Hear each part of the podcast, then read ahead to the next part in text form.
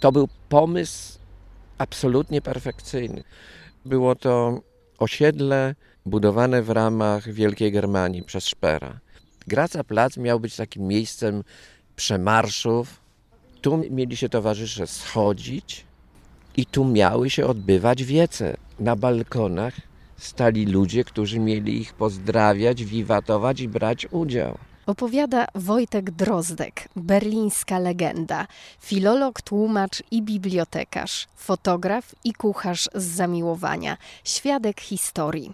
W Berlinie mieszka od ponad 40 lat. Przez większość tego czasu na osiedlu przy Gracer Platz. W drugim odcinku podcastu Stacja Berlin odwiedzimy największe ukończone osiedle z czasów narodowego socjalizmu w Berlinie. Jak wyglądały mieszkania dla ludu przy Gracerplatz? Czym charakteryzowało się nazistowskie budownictwo mieszkaniowe? Jak dziś mieszka się na zabytkowym osiedlu, które przechodzi z rąk do rąk prywatnych inwestorów? O tym wszystkim porozmawiamy na dzisiejszym spacerze. Zapraszam.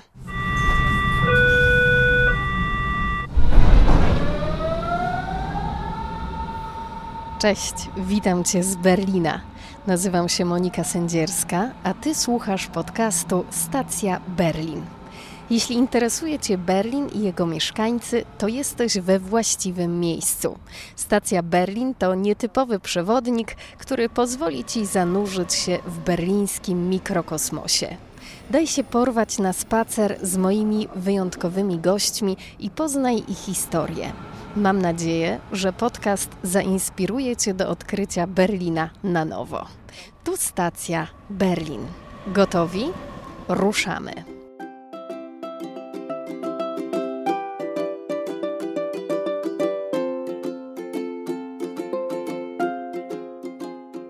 Spotykamy się przy Gracerplatz w dzielnicy Schöneberg, przy neogotyckim kościele z czerwonej cegły.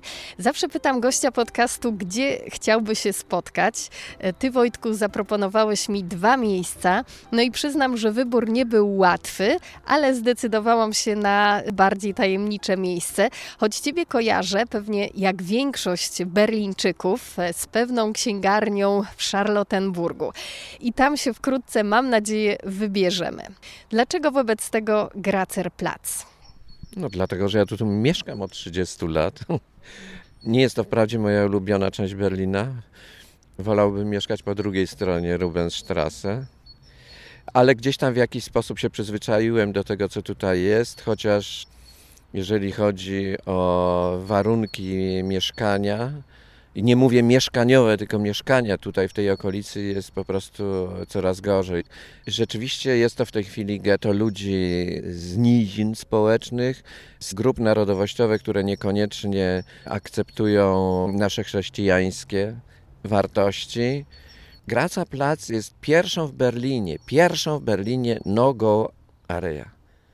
Tutaj stały radiowozy permanentnie albo po tamtej stronie, albo po tej. Dagna będąc dzieckiem... Twoja córka. Tak, moja córka. Czyli to musiało być dobre, no powiedzmy 30 lat temu. Wysłaliśmy ją w niedzielę, bo od czego mamy dzieci? A no, jako niewolników małych, żeby do piekarni po bułki wysłać.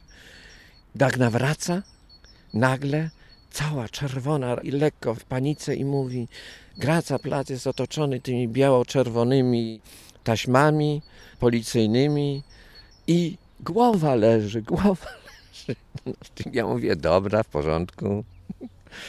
Nie wierzysz, to idź i zobacz. I rzeczywiście wyszedłem, tu już policja nie wpuszczała ludzi. Coś leżało przykryte kocem, czy co tam policja miała wówczas do, do przykrywania zwłok. Istotnie była to głowa pewnej pani, którą zamordował jej uczeń, nauczycielka muzyki. Zwłoki były gdzie indziej, a głowę wyrzucił tutaj, ale chyba był psychiczny. I to się tak zaczęło, że tu była taka część Berlina, gdzie mogła śmieci wyrzucić i głowę przy okazji. Uch, przyznam, że na początek naszej opowieści nie spodziewałam się takiego kryminału. Mam nadzieję, że dalej będzie mniej drastycznie, bo tak naprawdę siedzimy sobie tutaj na ławce, wokół zielono, ptaki śpiewają. Jakie tajemnice skrywa to niepozorne miejsce? Gdybyśmy się teraz cofnęli nagle maszyną czasu, to wyobraź sobie, że powiedzmy na początku XIX wieku, tutaj nie ma nic. Tu był jakiś stawik, jakieś łąki, krowy się pasły lub barany. Stał ten kościół i dwie szkoły, wybudowane już po tej stronie, podobnie jak i ten kościół. Z tej prostej przyczyny, że tam już nie było miejsca. Ale miasto nie ekspandowało, bo kto miał tutaj inwestować w te piochy? Tam dalej szły już działki przy kolejce S-Bahnu na Marienfelde, na Teltow i tak dalej. Tutaj była wystawa, słynna wystawa kolonialna cesarza z 1904 roku, gdzie jego największą atrakcją, oprócz tego, że w tej sadzawce pływały modele wojskowych pancerników cesarza, wystawa kolonialna polegała na tym, że sprowadzono murzynów i prezentowano ich. No teraz już miało być y, mniej drastycznie. Po prostu pokazywano ich w ich niby naturalnych e, warunkach, czyli wybudowano jakieś takie palmowe szałasy i oni tutaj mieszkali i się e, prezentowali. To też możesz o tym poczytać. Jest takie wspaniałe wydawnictwo, chyba jeszcze jest, Friedenauer Brücke. I pani opisuje historię Friedenau i Schönebergu od momentu, kiedy powstała Wannsee-Bahn. Czyli kolejka miejska na Wannsee. Ta słynna Wannsee-Bahn. Opisuje także ten fragment tutaj. Opisuje także, jak się Friedenau rozbudowywało, kto tam mieszkał, z tych najważniejszych postaci, ale opisuje też historię z czasów nazistowskich, wspierając się wspomnieniami ludzi, z którymi rozmawiała. No właśnie, y, szczerze mówiąc, myślałam, że o tym będziemy głównie rozmawiać, e, bo osiedle przy y, placu Gracerplatz e, to jeden z niewielu w Berlinie przykładów architektury mieszkaniowej III Rzeszy. Osiedle, na którym jeszcze dziś doskonale widać założenia nazistowskiego budownictwa mieszkaniowego. Mógłbyś nas oprowadzić po okolicy, po tym osiedlu?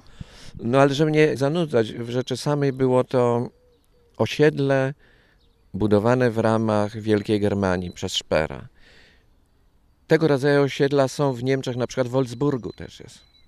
Zrobiono jak gdyby plan generalny i według tego planu kopiowano, czyli to już była wielka oszczędność. Raz zatwierdzony plan zatwierdzał y, Urząd Miasta czy Bauamt natychmiast, skoro już ten projekt gdzie indziej był wybudowany. Dla robotników naturalnie wybudowano, tak? Jak cały Wolfsburg.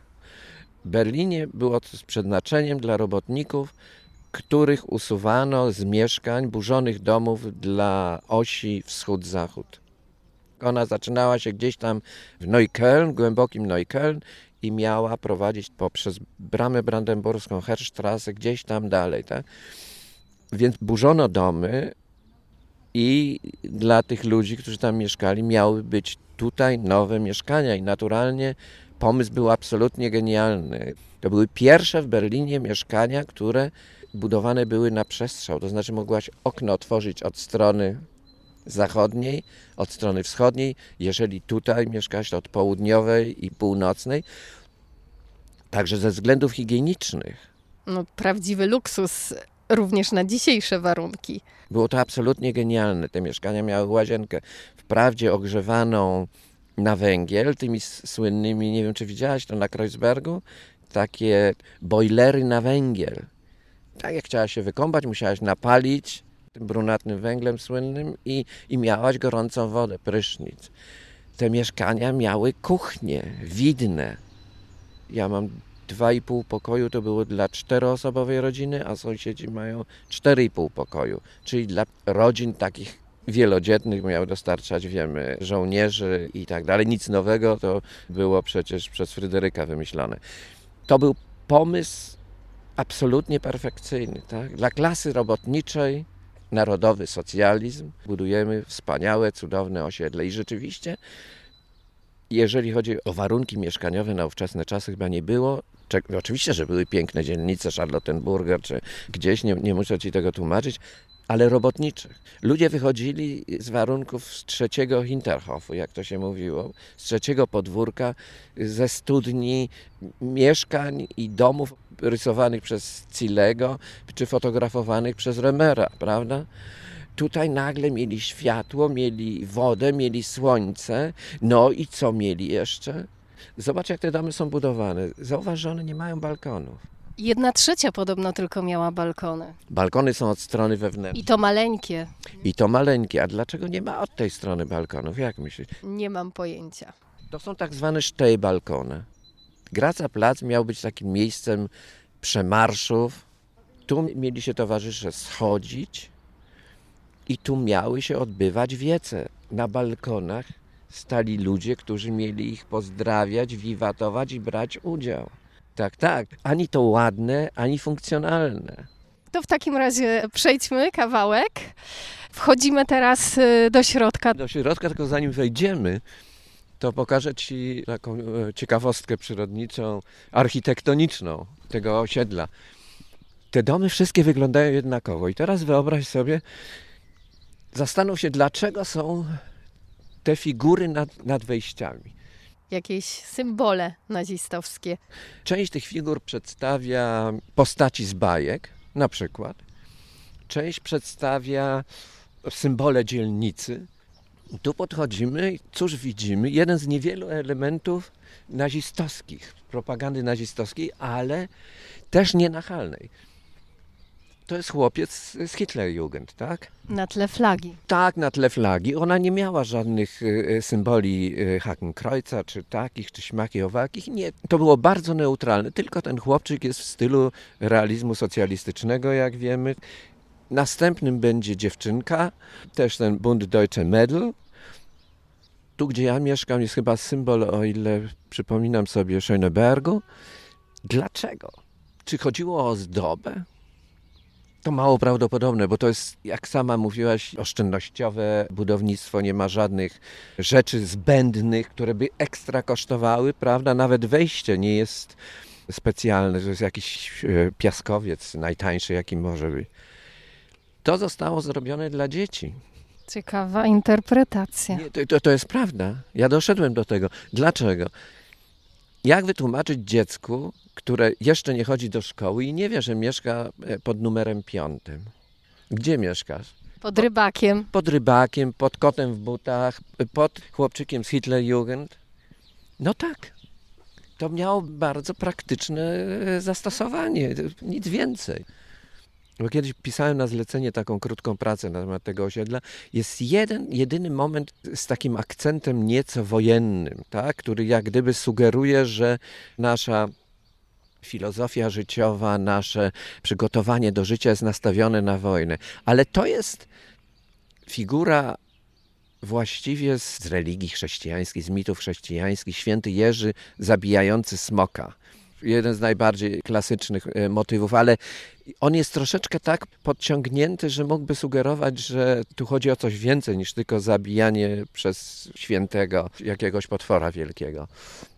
To miało znaczenie bardzo praktyczne. Trochę tak się czujemy jak w twierdzy. Tak jest. Jeżeli wejdziemy na podwórka, to wtedy zobaczysz całą perwersję tego budowania, tak zwane Kriegsgerechte Bauweise. To znaczy oni planując całe to osiedle, zdawali sobie sprawę i rzeczywiście historia ich nauczyła, że może zdarzyć się coś takiego, jak się zdarzyło na przykład w Hamburgu, diese Feuerwalce. Kiedy bombardowania powodują, że zniszczenia nie następują tylko wyłącznie w wyniku bomby, która upadła na dom, ale ona powoduje pożar i w wąskich ulicach powstaje zasada zassania kominu tak spłonął cały Hamburg, tak spłonęło Drezno, między innymi, szczególnie stare dzielnice. Tu nie mogłaś nic zrobić, jeżeli bombowiec przelatywał, tak? Tu nie ustawiano dział przeciwlotniczych, bo niby po co? Nie było co tu chronić, oprócz tych robotników, którzy rzekomo tu mieszkali, co też nie było prawdą. Tu dostawali mieszkania także wysocy funkcjonariusze NSDAP. Tu nie dostał zwykły robotnik, Myla, który nie należał do partii. Tak? To był 36 rok. Czy wszyscy należeli do NSDAP? Nie, nie należeli, ale ci, którzy należeli i spełniali jakąś funkcję, na pewno tu dostawali. Miałem sąsiadkę, panią Dąbrowski. I ona mi tę historię opowiadała. Tak, mój mąż był majstrem w jakiejś fabryce na Weddingu czy w Neukölln i dostaliśmy tutaj mieszkanie. Nasz dom nie był wyburzony, tylko myśmy się zgodzili, bo wyprowadziliśmy się z trzeciego podwórka do czegoś tak pięknego. Jej mąż zginął na froncie wschodnim, ona to tak jak masz w linii 1, Wilmersdorfa Witwen. Te Wilmersdorfa Witwen mieszkały wszędzie, tylko tutaj one nie były z tej kategorii tych mieszczek. Tu były z kategorii żon, robotników, majstrów. No więc budowano rzeczywiście tak, z zabezpieczeniem się, że w wypadku wojny oni zdawali sobie sprawę, to będzie wojna lotnicza. Te domy miały mieć wszędzie bunkry w piwnicach, tak? Te słynne bunkry zamykane odpowiednio i tak dalej. Niestety to się nie udało. Zrobiono tylko wzmocnienia stropów, dlatego że czego brakowało?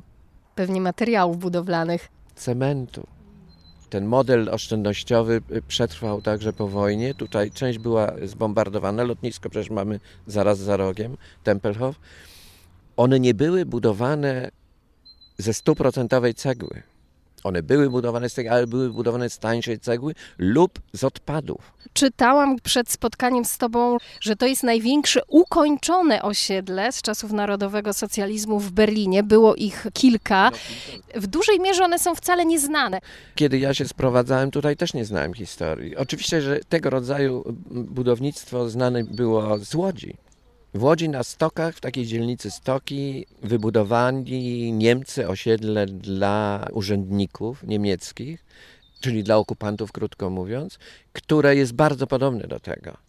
Nie jest tak wysokie, nie jest tak rozłożyste, ale ten rodzaj budownictwa spotykasz wszędzie na tak zwanych ziemiach odzyskanych. Tak jak ja mówię, ziemię z odzysku. W tych małych miejscowościach. Czułem pismo nosem, wiedziałem, że to jest nazistowska budowla. Możesz to poznać także po symbolach, ale szczerze mówiąc nie interesowało mnie to. To w takim razie przejdźmy kawałek. To teraz jest ta ruchliwa ulica y, Gracerdam, tak się nazywa? Tak. No i widzisz, sześć pasów. Trzy i trzy. To było zrobione tylko i wyłącznie do przemarszu, do celów czysto propagandowych. Co wobec tego działo się tutaj później, po wojnie, kiedy Berlin y, był podzielony na strefy okupacyjne? Jest takie słynne zdjęcie Ulsteina w jego archiwum, kiedy tutaj na Graca Dam i na Graca Plac stoją czołgi, broń pancerna, mieszkają żołnierze w tamtej części osiedla byłem zaskoczony po prostu. Mówię, dlaczego tutaj, a nie na klej ale No po prostu dlatego, że tam nie było jeszcze koszar. Koszary w tej Leibgarde SS, które potem były główną kwaterą wojskową, zostały zbombardowane przez aliantów, zniszczone częściowo, więc zanim odbudowali, wykwaterowali część ludzi tutaj i tutaj były kwatery żołnierskie i ci żołnierze od wiosny do późnej jesieni wystawiali stoły sobie w tych słynnych podwórkach i grillowali, jedli. Przychodziły dzieci niemieckie, które głodne były. Wiesz, jaki tu głód panował przecież przez pierwsze trzy czy cztery lata po zakończeniu wojny. I oni częstowali tych ludzi. No. Piękne wspomnienie chłopca, kiedy spisywano już starszego pana, który opisuje tą właśnie historię, jak oni stali, czuli zapach tego grillowanego mięsa i tej kawy i odważyli się wreszcie podejść do tych żołnierzy amerykańskich, oni ich zaprosili po prostu. I to się uważa za narodziny, kolebkę tego festu, który potem obchodzony był przez dziesiątki lat, na który ja jeździłem. I to się zaczęło tutaj. Kiedy ty się tutaj sprowadziłeś? Wtedy stał jeszcze mur, czy to już było po upadku muru? To był mur, to był 85 rok, mur był jeszcze. Nie była to najlepsza część Berlina, powiedzmy, ale wiesz, ja się wyprowadziłem z Südwestkarza to jest skok w dół dosyć silny, ale były to domy już wyremontowane, już było centralne ogrzewanie tak zwane, czyli nie było piecy.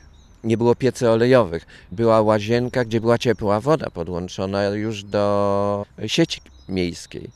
Więc to był taki standard niekoniecznie znany w Berlinie, nie oszukujmy się, prawda? Te ogrzewania olejowe do dzisiaj są jedne z najdroższych.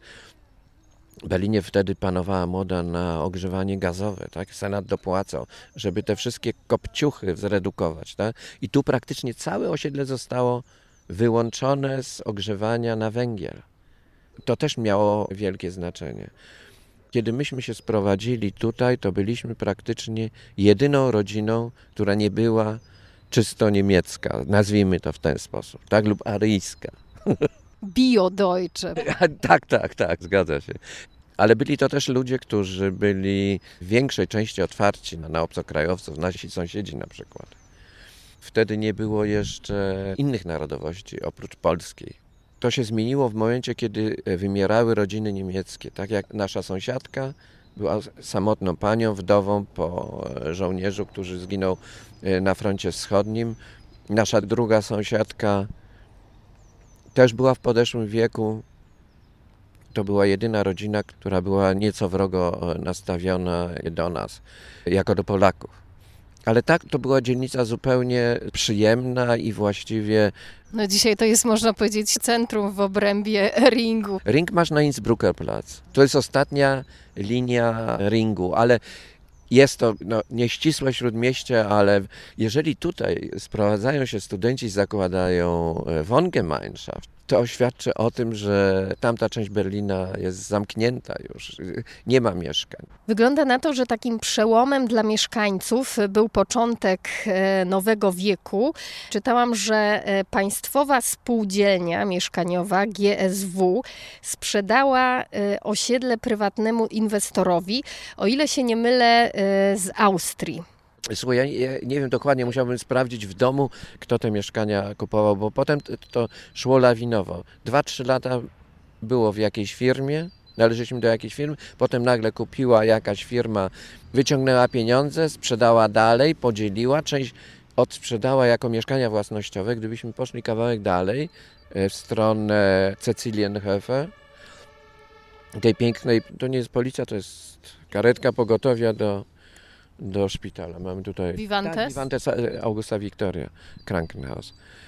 Oni zaczęli sprzedawać, e, pozbywać się w tych mieszkań w myśl zasady. My sprzedamy to jako mieszkania własnościowe. Ale zapomnieli o jednej rzeczy, że nie można wyrzucić od tak ludzi z mieszkań, które kiedyś były własnością po prostu Senatu, tak? Czyli GSW.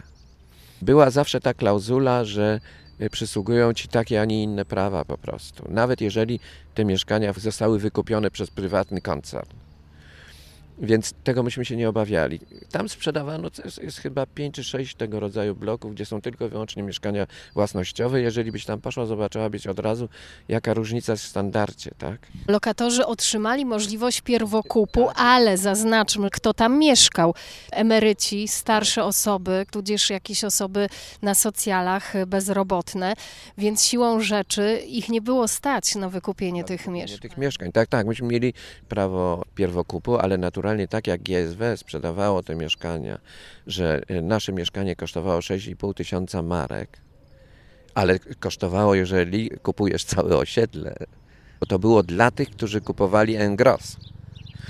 Więc za każdym razem, kiedy te domy zmieniały właścicieli, pogarszały się warunki mieszkaniowe. Nie remontowano klatek schodowych, nie remontowano fasady czy też fasad. To jest północno-zachodnia strona tych domów. Czyli to było już takie e, na zasadzie, no, jak już ludzie mieszkają, to niech mieszkają, ale nie inwestujemy ani grosza. I jak byśmy poszli i obejrzeli te słynne podwórka tutaj, tak? Zaraz pójdziemy, mam nadzieję. To byś zobaczyła, e, w jakim stanie te fasady są. To jest tak, jak o PRL-u pisał, e, pamiętasz w swoim wierszu e, Barańczak, fasada i tyły, tak? To jest, to jest coś takiego, czyli jakoś to będzie i tak ci ludzie nie mają gdzie mieszkać. A jak się komuś nie podoba, to niech się wyprowadzą.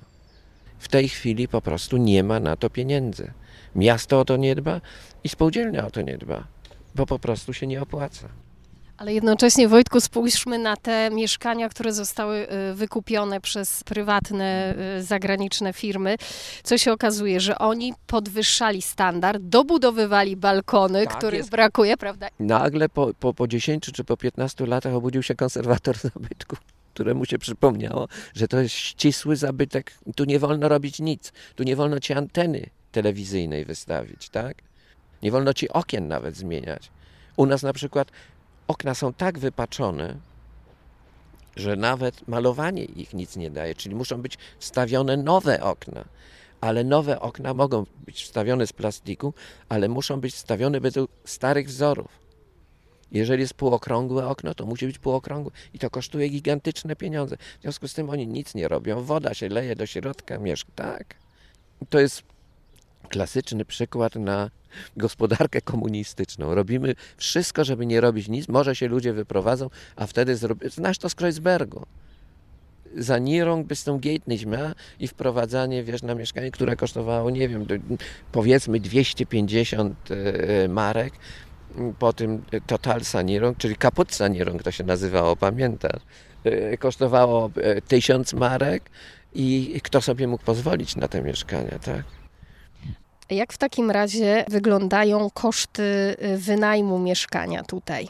No więc wiesz, my tu mieszkamy 30 lat, czyli nas nie dotyczy wzrost kosztów. Gdybyś ty na przykład chciała się tu wprowadzić, my płacimy za to mieszkanie to jest 65 metrów kwadratowych, płacimy, opala, 570 ma, e, euro.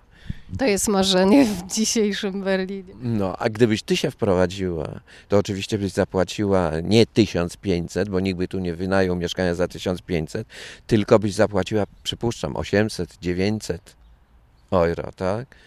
Naturalnie, że u nas czynsz wzrasta z roku na rok, ale właściwie to nie tyle czynsz wzrasta, co betriebskost. Znasz sąsiadów, kto konkretnie u ciebie mieszka, na przykład w klatce? Bar- Bardzo, bardzo różny przekrój jest. Na dole mieszka pani ze Śląska, e, która jest niezwykle zabawna i bardzo kolorowa postać, która przyjechała tu do Niemiec jako prawdopodobnie Spätaussiedler z piątką dzieci chyba, tak? I, ale oni mieszkają po drugiej stronie klatki schodowej w tym większym mieszkaniu, która jest bardziej pruska niż Prusacy. E, Są sąsiedzi e, Ahmed z żoną. Ahmed jest Turkiem czy Kurdem? E, Nie, nie, Turkiem jest, Turkiem jest. Na samej górze jest Wohngemeinschaft, tak jest.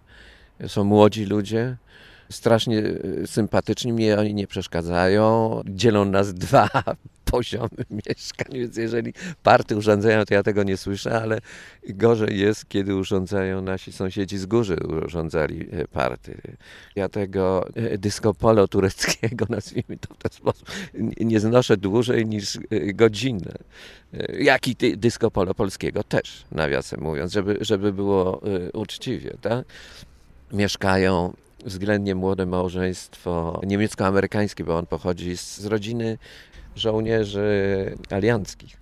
To też ciekawy przekrój. Jak te kontakty sąsiedzkie wasze wyglądają? Ci, którzy mogą się dogadać, to razem siedzimy latem przed chałupą, pijemy piwo, tak? Lub e, Scotty rzadziej pije piwo, ale częściej nie whisky o dziwo, tylko rum z kolą. Społeczny przekrój jest bardzo różny, bo na przykład ten Ahmed ma swoją mm, prywatną firmę. To też wykonywała jakieś usługi w Polsce. Stąd zna Szczecin chyba lepiej niż ja. Nasi sąsiedzi z góry tureccy byli na bardzo wysokim poziomie intelektualnym. To nie jest tak, że to jest jakaś Anatolia głęboka u nich. To był inżynier, który w myśl tej tureckiej zasady ściągnął sobie żonę z Turcji i zanim ona opanowała język i tak dalej, i tak dalej, upłynęło kilka dobrych lat. Z nami nie mogła się porozumieć, ale ja się z nim porozumiewałem. To też nie był problem. To są jeszcze ludzie, wiesz, z tej starej e, gwardii, gdzie wywieszało się na klatce schodowej. Prosimy o wyrozumiałość. Nasze dziecko obchodzi dzisiaj urodziny. Czy u nas będzie od poniedziałku do soboty nieco głośniej, bo remontujemy mieszkanie. Czyli ostrzega się, prosi się o to, żeby ludzie zrozumieli to. Jeżeli komuś to przeszkadza, mają małe dzieci, no to dobrze, w porządku, w godzinach tej słynnej ciszy berlińskiej, między pierwszą a trzecią, czy między dwunastą a pierwszą, ja, jakieś takie są dwie godziny, gdzie nie wolno było trzepać dywanów i tak dalej, i tak dalej. Więc z tymi ludźmi nie mam e, większych problemów. My się doskonale rozumiemy, obojętnie czy to jest Amerykanin, Polak czy Turek. Niebezpieczeństwo się pojawia w momencie, kiedy i to jest moment, kiedy powstaje getto, kiedy załamuje się równowaga społeczna i narodowościowa, kiedy jedna grupa społeczna, nazwijmy to w ten sposób, bezrobotni lub sami inżynierowie, gdyby się wprowadzili, prawda? Też ludzie na- hartzfier byliby dla nich, czy mogliby być jakimś takim ziarnem wokół, tak? Nie podobałoby się.